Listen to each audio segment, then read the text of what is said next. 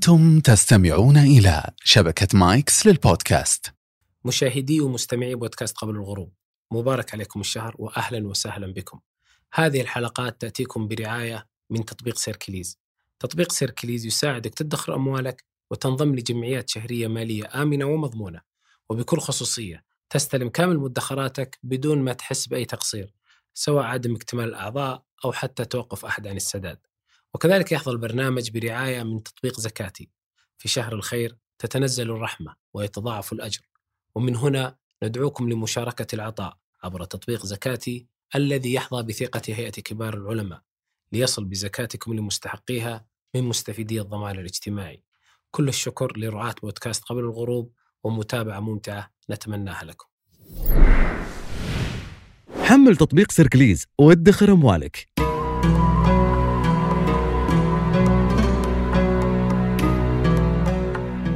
السلام عليكم. اليوم سنتحدث عن شخصية بارزة في التاريخ وهو يعد من ملوك العرب ومن الملوك البارزين في الدولة العباسية. الشخصية هي المأمون آه، وهو الخليفة العباسي آه، جاء بعد آه، أخيه الأمين الذي يسبقه هارون الرشيد. بداية نرحب بضيفنا فضيلة الشيخ صالح بن واد مغامسي. فأهلا بك يا شيخ. حياكم الله بعدي وحيا الله الإخوة جميعا. أهلا وسهلا. المأمون شخصية بارزة في التاريخ نعم. لكن كيف لنا أن نستفيد من بعض مواقفه؟ في الزمن الحاضر كذلك لرؤية المستقبل. أيضا لنا اولا نعرف به. م. يعني تعريفا ايجازا وإن كان هو علم من أعلام الملوك. المأمون هذا لقبه واسمه عبد الله ويكنى أحيانا بأبي العباس واحيانا بأبي جعفر. هم العباسيون يحبون لقب أبو جعفر لأنه كان لقب المنصور الخليفة الثاني المؤسس الحقيقي بعد أخيه أبي العباس وعمر وكانت له إنجازات فكانوا يتفاءلون به. أمه أم ولد يعني فارسية اسمها مراجل يقولون إنها ماتت في نفاسه يعني ولدته وماتت وقد أجمع المؤرخون على أنه أكمل ملوك بني العباس حزما وعزما ورايا وسؤددا وهيبة وعلما وسخاء وعفوا. لم توجد في أحد من ملوك بني العباس مثله. مثل المأمون. مثل المأمون. لا في الرشيد ولا في من بعده. عجيب. وكانوا يقولون إن لملوك بني العباس فاتحة وواسطة وخاتمة. م. فالفاتحة السفاح والواسطة المأمون والخاتمة المعتضد. م. نشأ يطلب العلم ويقال إنه أحد الخلفاء أو الملوك المعدودين الذين يحفظون القرآن.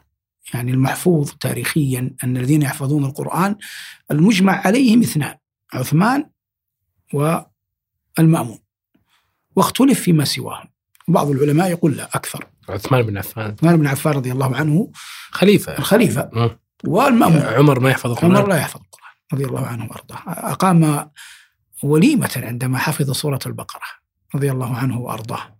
لكن هذا لا يقلل من شأنه. طبعا لكن لكنه لم يكن يحفظ القرآن. الذي نقول أنه يحفظ القرآن كاملا. على الأقل هذا الذي نقل إلينا. م. وهو المأمون كان يحفظ القرآن كاملا. ومع ذلك ابتلى الناس بفتنة خلق القرآن. وليته لم يفعل. لكن نحن لا نتكلم عن المأمون سياسيا.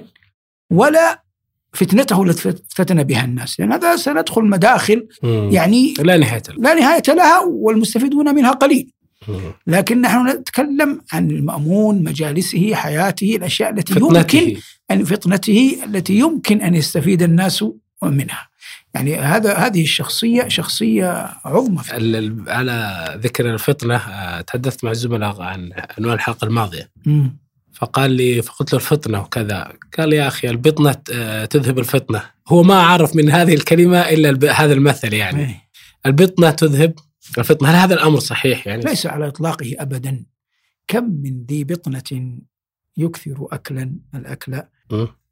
وسمن وفيه من الفطنة ما ليس في كثير من الرجال. أولهم محمد بن الحسن.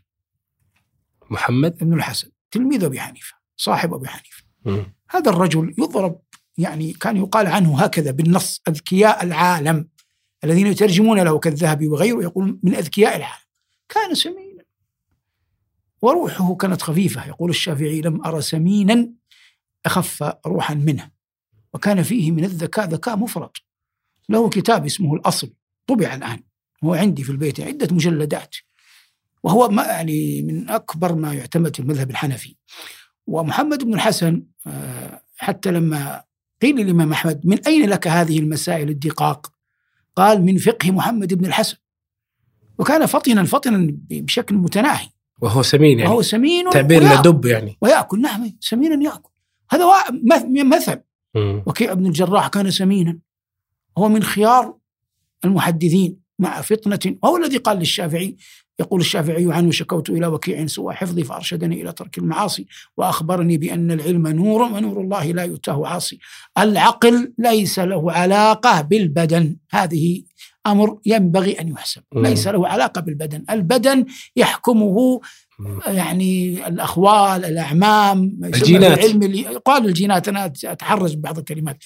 لكن الج... فلنكن يعني تبعا لكم الجينات يحكمه الجينات الإنسان من يوم ما يولد يظهر أنه سيظهر سيكون سمينا أو يكون حينا في الغالب يعني ما- هل ما صنع الإنسان بنفسه العقل ليس له علاقة بهذا كله يعني الذكاء والفطنة وكمال العقل هذا ليس له علاقة ببدن الإنسان نعم وهذا أمر كل من استقصاه يستطيع أن يحكم به، لكن ال- البعض يعني هو إذا أكل كثيرا كأنه تخدر فنام فيصدق هذا القول. لا المسألة صحيح. ليست كذلك. هذه بشارة لأهل السمنة يعني والله أنا بس- بهم وأكرم نعم. يعني ليس شيء يتحملونه. أمانة حقيقة أنا نعم. أستحضر شخصيات ممن أعرفهم إيه، سمان لكن على درجة عالية من النباهة والفطانة كثير نعم. كثير جدا.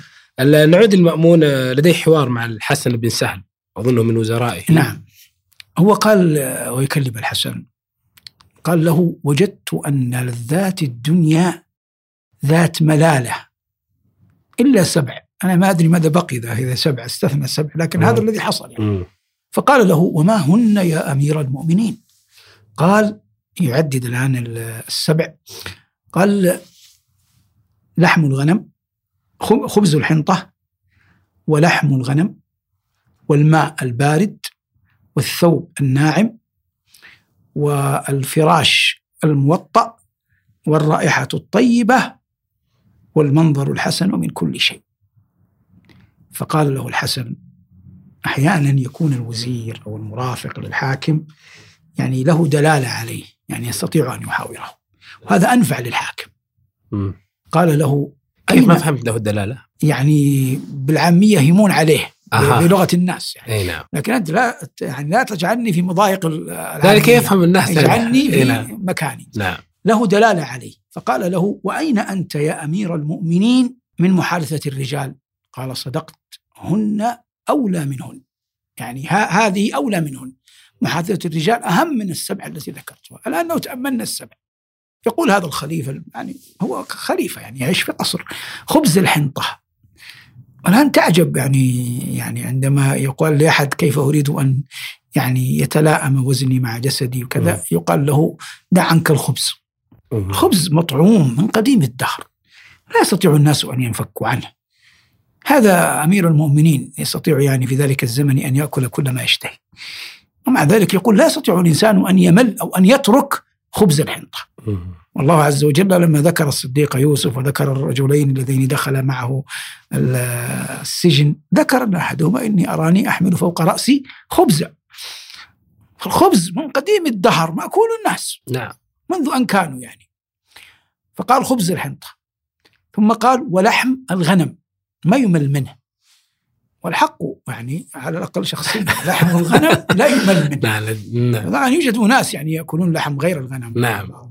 الحاشي. كذا. وهذا شيء طيب يعني هذا أشياء شخصية ليس لها علاقة في بر لكن أو- لا أو. ليست مثل لذاذة الغنم لكن لا يعدل لحم الغنم شيء النبي. صلى الله عليه وسلم ضحى عشر سنين في المدينة لا يضحي إلا بالكبش يعني من الضأن.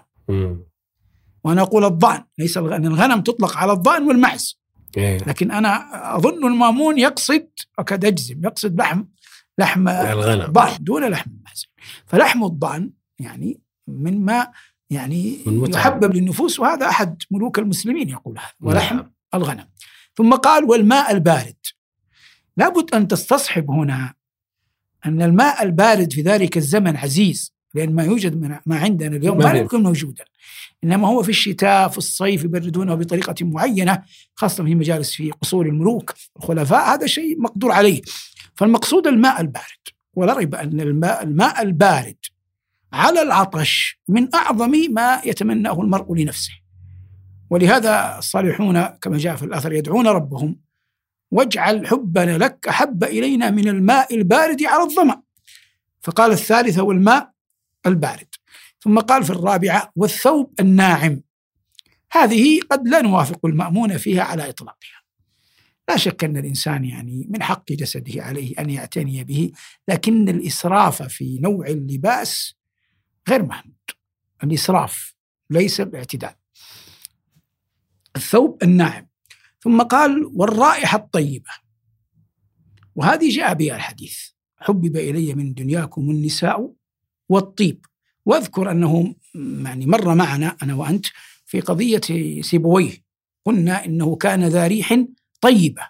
والإنسان إذا كان ذا رائحة طيبة لا شك أن يعني من يعرفه آه، يعني يقبل عليه. ولذلك نهينا شرعا أن ندخل المسجد وقد أصبنا شيئا من بعض المأكولات بعض المطعومات المعروفة. حتى اسمها لا أنا لا أحب ذكره. ف... وأنا لا أكلها الحمد لله يعني البت البتة. عجيب. لا في داخل الدار ولا في خارجه.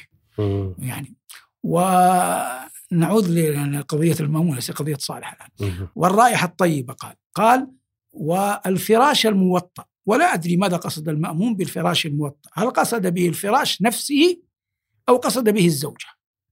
لأن الفراش يطلق في اللغة ويراد به الزوجة.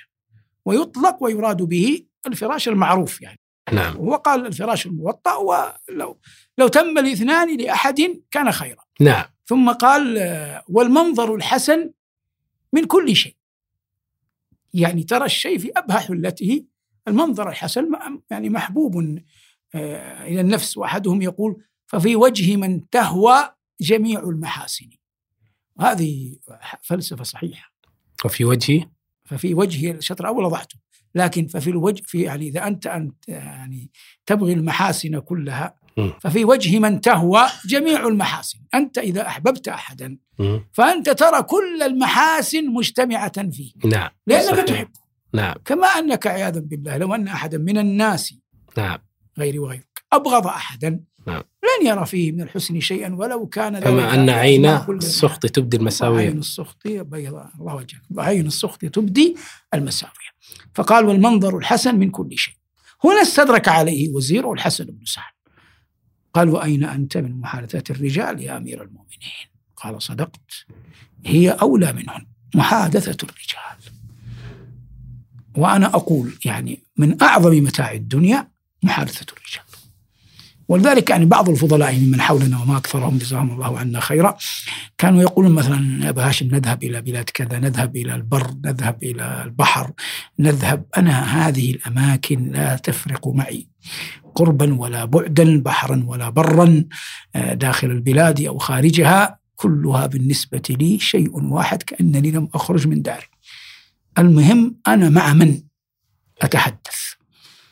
يأتيني بفلة يستريح لهم القلب يطمئن تطمئن إليهم النفس يستطيع أن يحاورهم العقل. إذا وجدوا خير من الدنيا وما فيها. دنيويا لا أخرويا. نعم. فهذه هي التي أرادها المأمون واستدركها عليه الحسن بن سهل قضية محادثة الرجال. ولما قال أحد أمراء المؤمنين أظنه معاوية. آه، كان عنده يعني شخص يحبه ويجلس معه. فقال إني أريد أن مثلا أسهر معك الليلة يا أمير المؤمنين. يقصد في محادثة. فقال أخبر فلانا. يعني شخص ثالث. فالرجل كأنه جاءت في نفسه قال يا أمير المؤمنين معي. قال نعم أستريح منك إليه ومنه إليك. هذا فن المحادثة لا يتقنه إلا الكبار أمثال معاوية يمل الإنسان مع شخص واحد. لكن إذا مللت إذا مل جابر من صالح لا فإلى لا باسل. وإذا فا مل من باسل فا إلى صالح. أو إلى مهند أو إلى الإخوة التي حولنا حولنا المقصود ثلاثة أطيب. في الرحلة أو في في الرحلة. الاثنان يملون. ثلاثة أطيب. وهذا يعني آه، ليس مقصورا على الثلاثة لكن أهم قضية قضية محادثة الرجال. الرجال غير الذكور. الرجال الرجال. من الذين, الذين يعني يعرفون ما يقال لهم. ما الذي يشاع من القول الذي سمعه؟ وما الذي يحتفظ به؟ متى أسأل ومتى لا أسأل؟ أن العقلاء لا يحب أن يسألهم أحد. عجيب. لا يحب أن يسألهم أحد. لما؟ أنا يعني مثلا أنا ما أقصد صالح أقصد كرجل يعني أي مثال عن أتكلم عن أي كفرد، شخص يعني نعم. عن فرد. أنا ما أريد أن أقوله لك في جلسة خاصة سأقول لك من غير أن تطلبه فلما أسكت عن شيء أنا لا أود أن أقوله. فلا تحرجني بالسؤال عنه. خذ ما آتيتك وكن من الحافظين في القرآن وكن من الشاكرين ولا كن من الحافظين المؤتمنين فثمة أشياء قد يصلح أن أقولها لك ولا يصلح أن أقولها لغير لغيرك.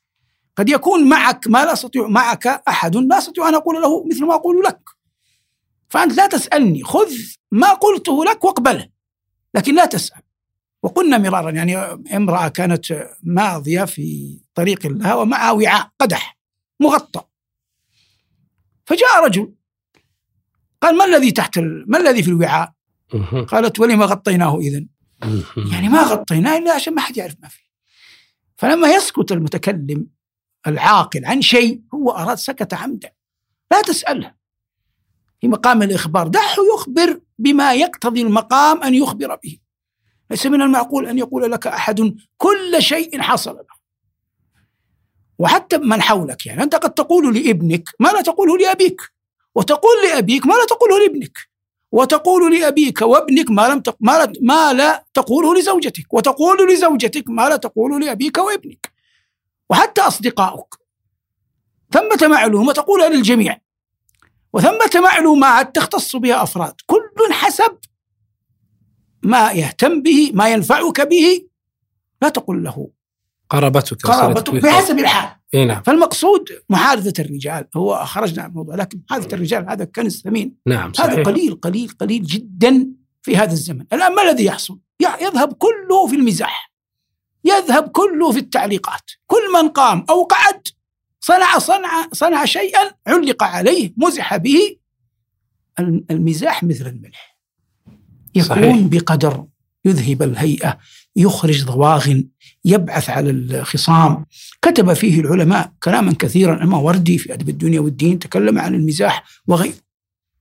نعم صحيح. يعني البع- البعض قد يجعل من المزاح طريقا لانتقاصه كما يقولون العامة الآن مزحة برزحة. إيه. يعني لا الرجل الحر إذا له مطلب يأتي مواجهة مكاشفة. إذا الله الله عز وجل يقول لنبيه وإما تخافن من قوم خيانة فانبذ إليهم على سواء كلمهم مباشرة لا تخونهم كما خانوك. ه- ه- الرجل إذا يريد أو لا يريد يحتاج أو لا يحتاج يتكلم مواجهة. صحيح. لا حاجة لأن يعني يأتي بها إلا في التلطف شيء مع الأحبة والمكر والخديعة والكيد نسأل الله العافية شيء آخر المقصود نحن خرجنا لكن صحيح. من أعظم ما يبتغى في هذا الدهر ويحرص عليه محادثة الرجال وأعيد الرجال, وليس الرجال. صحيح الذكور هو قضية المزاح آه، أتصور أنه في هذا الوضع مع ال social media والجو العام آه، ربما تجد الجلسة كلها يعني تبدأ وتنتهي كلها بمزاح ومحاولة أنه كيف أسخر من هذا وأضحك من هذا زعما منه أنه سيرتقي بهذه بهذا الخصيصة هذا شيء. والشيء الثاني والأدهى منه أن الرجل حينما تقول لا يسأل عن أشياء إذا شعر أن المقابل لا يريد أن يتحدث عنها. لكن البعض هو يعمد يريد أن يستكشف ويستظهر منك هو ما يريد. كيف للعاقل أن يتعامل مع الشخص حتى وإن كان جليسا؟ قد يكون قريبك ولكنه أحمق مثلا أو ليس ذا مروءة. كيف تتجنب المحادثة معه؟ خصص لها حلقة تسمى الحفظ حتى نعرف ماذا نقول. الحفظ. الحفظ حتى نعم. نعرف ماذا نقول وماذا نفوتها يا شيخ. وماذا نحفظ. أبشر. سأدونها أبشر، الآن. أبشر. دونها وأبشر. نعم نعم. دونها جداً. وأبشر. أحمد بن أبي خالد وهو وزير المأمون. نعم لديه موقف. وزير للشؤون الخاصة مهم. هذا من عقلاء الرجال في التدبير. يعني الحاكم العاقل يعني لابد أن يكون من يتولى أموره الشخصية مدبرا سخيا مدبرا سخيا مدبرا. يعني يعطي بسخاء نعم لكن في نفس الوقت لا يضيع أموال الأمير الحاكم الملك السلطان الوجيه الذي يعمل عنده من يتولى شؤونه. أحمد بن أبي خالد كان مدبرا حكيما ذا رأي وهيبة سخيا سخيا. هذه مهمة كلمة سخيا لأن القضية تتعلق بكذيتها. لكنه كانت أخلاقه مع الناس شرسة. وهذا من أسباب هيبته شرس يعني. فقال له أحد الناس ذات يوم طبعا أخطأ القائل لكن أنا أنقلها كما هي. قال والله يا أبا خالد إن الله أعطاك ما لم يعطه حتى رسوله. صلى الله عليه وسلم. قال إن لم تخرج مما قلت لأضربن عنقك. يعني مبرر لقولك هذا. قال إن الله قال عن نبيه ولو كنت فظا غليظ القلب لانفضوا من حولك وأنت والله فظ غليظ القلب ونحن لا ننفك عن حولك. طمعا في الماء. يتحملون شراسته وأخلاقه طمعا في سخائه. فقال أنت فظ غليظ القلب مع ذلك سبحان الله ما ننفض من حولك. لما عندك من الماء؟ لجودك لسخائك. مع أن الله قال النبي لنبيه ولو كنت فظا غليظ القلب لانفضوا من حولك. طبعا الفرق إذا أراد أحد الجواب من صالح مجتمع الصحابة غير مجتمع هؤلاء. هؤلاء بشر يعني يقبلون أحيانا الذلة من أجل المال. لكن الصحابة وذلك المجتمع لن يقبلوا. والنبي صلى الله عليه وسلم فطر وجبل على مكارم الأخلاق بل لا أحد أكرم خلقا منه. صلوات الله وسلامه عليه. لكن القضية قضية كيف يفكر هذا الرجل. نعم جميل. المأمون لديه مجالس مشهورة ومشهودة يعني فوقعت بعض الأحداث آه، في في نعم. في عهده. ذات مرة دخل عليه فيما يقولون مروان بن أبي حفصة؟ هذا شاعر. وزعم أنه ألف أبياتا يعني يستحث بها المأمون. وأنت تعلم أن الإنسان إذا مدح يعني البيت الذي يؤثر فيه يظهر على وجهه؟ يطرب ينتشي كما قال عبد الملك الجرير بمثل هذا فليأتي المادحون يعني يظهر تعلقه في زماننا هذا يصفق. لكن أن يتغافل معنى ذلك أنه لم يرد البيت. فذات مرة جاءه مروان بن أبي حفصة وقال أبياتا أظنها لامية. فقال أضحى إمام الهدى المأمون مشتغلا بالدين والناس في الدنيا مشاغيل. أعرض عنه المأمون. لم يبالي. هو ظن أن هذا البيت فردا من الأبيات. وخرج. لم يكافئه ولم وهي طريقة المأمون يعني. مأمون يقولون أنه يجلس متكي هكذا. ويسمع الناس ويجلس هكذا. شخص واحد كان يقدره المأمون. إذا دخل كل الذي يسويه المأمون يسوي كذا. يعني كأني بكم ما يقول كأني أبكم هذا الوحيد الذي دلالة احترام له. وهو يجلس هكذا فلم يبالي به هذا الرجل ذهب إلى أحد وزراء المأمون والعقلاء الشاعر الآن. قال والله إن المأمون لا يفهم في الشعر. الرجل هذا المسؤول يعرف المأمون وبراعته في الشعر ويعرف قلنا المأمون ليس في بني العباس أحد أعلم منه بل يقال ليس أحد من الملوك أعلم منه إذا سرنا الأربعة الراشدين في ثقافته يعني. قال وما ذاك؟ قال له القصة. قال أنا حضرت عنده وقلت له هذا البيت أضحى إمام الهدى المأمون مشتغلا بالدين والناس في الدنيا مشاغيل. هذا الرجل عاقل. قال والله إنك أبله والله كأنك وصفته بأنه عجوز في محراب بيتها بيدها سبحة يعني هذا البيت هذا معناه هذا أمير المؤمنين مطوق أمر الخلافة. قاتلك الله. إن لم ينشغل أمير المؤمنين بالدنيا وأهلها من الذي ينشغل بها؟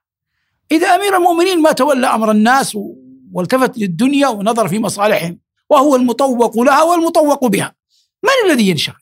تقول لأمير المؤمنين الناس في الدنيا مشاغيل وأنت جالس على الدين والقرآن هذه هذا مو أمير المؤمنين هذه عجوز في محرابها في بيتها بيدها السبحة ما لها علاقة بالخلق عيالها يجيبوا لها الطعام والشرب هذا هذا معنى البيت.